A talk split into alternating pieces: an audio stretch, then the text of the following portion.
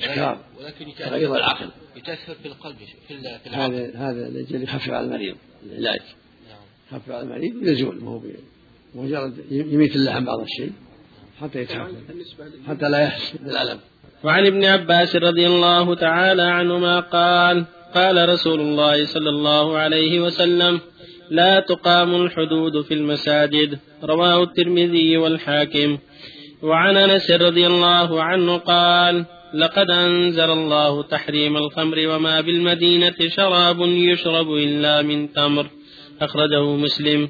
وعن عمر رضي الله عنه قال نزل تحريم الخمر وهي من خمسة من العنب والتمر والعسل والحنطة والشعير والخمر ما خامر العقل. متفق عليه. وعن ابن عمر رضي الله عنهما أن النبي صلى الله عليه وسلم قال كل مسكر خمر وكل مسكر حرام. أخرجه مسلم.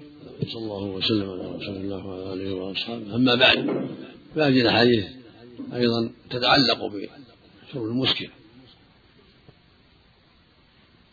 يقول صلى الله عليه وسلم لا تقام الحدود في المساجد.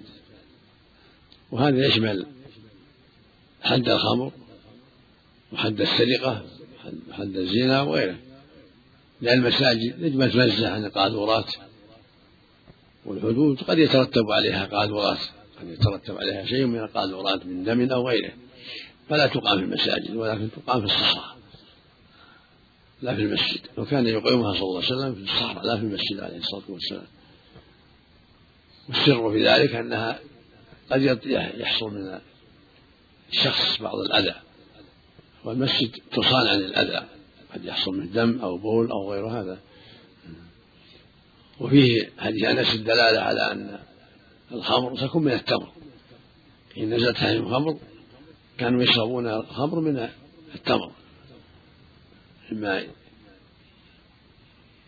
يصر من مما ينبذ من الخام من التمر. قد ينبذون غير التمر لكن الغالب التمر. ذاك الوقت قد يقع من غير التمر. لكن مراد انس رضي الله عنه ان الغالب في ذاك الوقت هو التمر. والا قد بين عمر رضي الله عنه في حديثه المذكور ان تكون من الخمر تكون من الأسد تكون من خمسه من التمر والعنب والاسد والحنطه والشعير وقد تكون من غير هذا أيضا. والضابط مثل ما قال صلى الله عليه وسلم كل مسكر خمر سواء كان من الخمسة أو من غير الخمسة. لكن ذكر عمر هذا لأن هذا واقع موجود. وإذا وجد شراب آخر من غير الخمسة أسكر فإنه يقام به الحد. كل مسكر خمر وكل مسكر حرام. فإذا وجد شراب أو طعام يسكر من غير الخمسة فالحكم واحد. حديث عمر دل على ما تقدم. كل مسكر خمر وكل مسكر حرام. فالضابط الإسكار هذه كلمة جامعة كل مسكر خمر وفي حديث عائشة في الصحيحين كل شراب أسكر فهو حرام. فالضابط هو هذا. كل ما ثبت أنه مسكر فإنه حكم حكم الخمر وما أسكر كثيرا فقليل حرام نعم؟ إعلان الحدود في المسجد. عند باب المسجد. يعلن عند باب المسجد.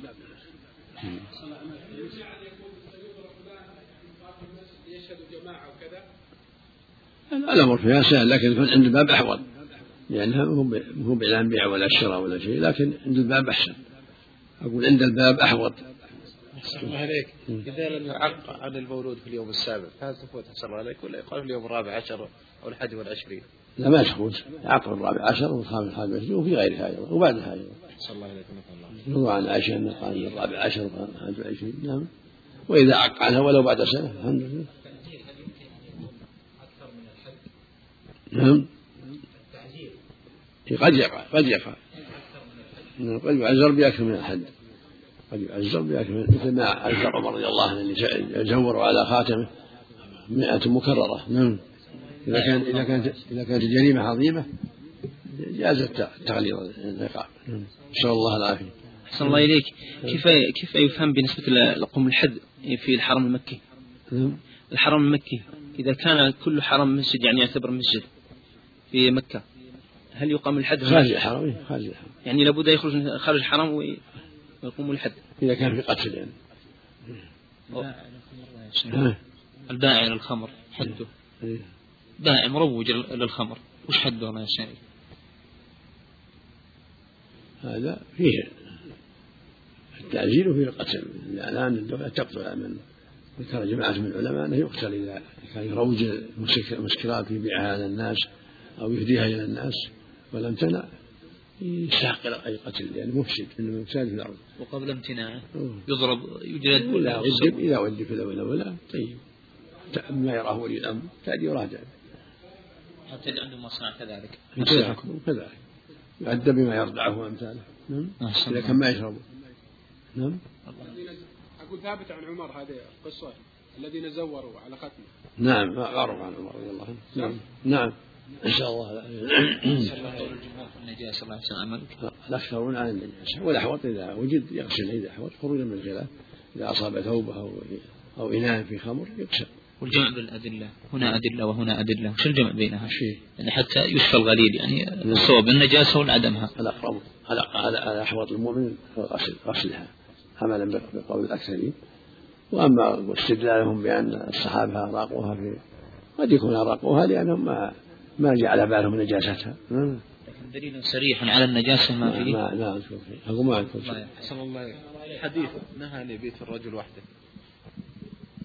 لا بأس به. لا بأس به. هذا. إذا خلوا يعلم الناس ما في وحده ما بات رجل وحده في ليل السلام عليكم ورحمة الله وبركاته. والسلام آه، يا شيخ بسأل سؤال يقول مسلم والعياذ بالله ارتد. آه، ثم عاد فأسلم. ما حكم أعماله قبل الردة وهل يجب عليه إعادة الحج؟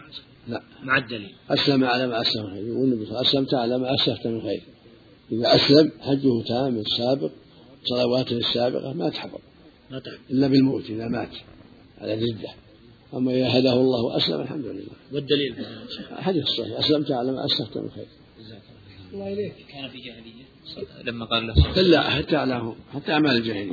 حتى الصالح حجه اللي, اللي مضى وصدقاته وتطوعاته وبره والديه. حتى في الجاهلية. إذا أسلمه على ما سلم ما سلف من خير له خيره كله في الجاهلية وفي ردة وقبلها من الإسلام. لا اللي قبل الردة اللي في الردة باطل. حتى الصالح. اللي في الردة باطل. أيه. حتى اللي حتى لو أشركوا لحبط عنهم ما كانوا يعملون. لكن اللي الذي قبل الردة هو اللي يبقى له قبل الردة. ما في الردة. إلا إذا مات على الردة بطل عمله كله. لكن الأمل في خلال الردة أبدا لا يقبل منه شيء. اللي بعد الردة لا يقبل حتى يسلم. التزوير له حد معين فعل أقول التزوير عفى الله عنك. له حد معين. التزوير كذب. التزوير كذب وهو يختلف حسب حسب ما زور فيه. أو التزوير يختلف ما هو اللي زور فيه 200 ريال اللي زور فيه مليون ريال. أقول يختلف الأمور. التزوير على حسب ما ترتب عليه من الشر. نسأل الله العافية.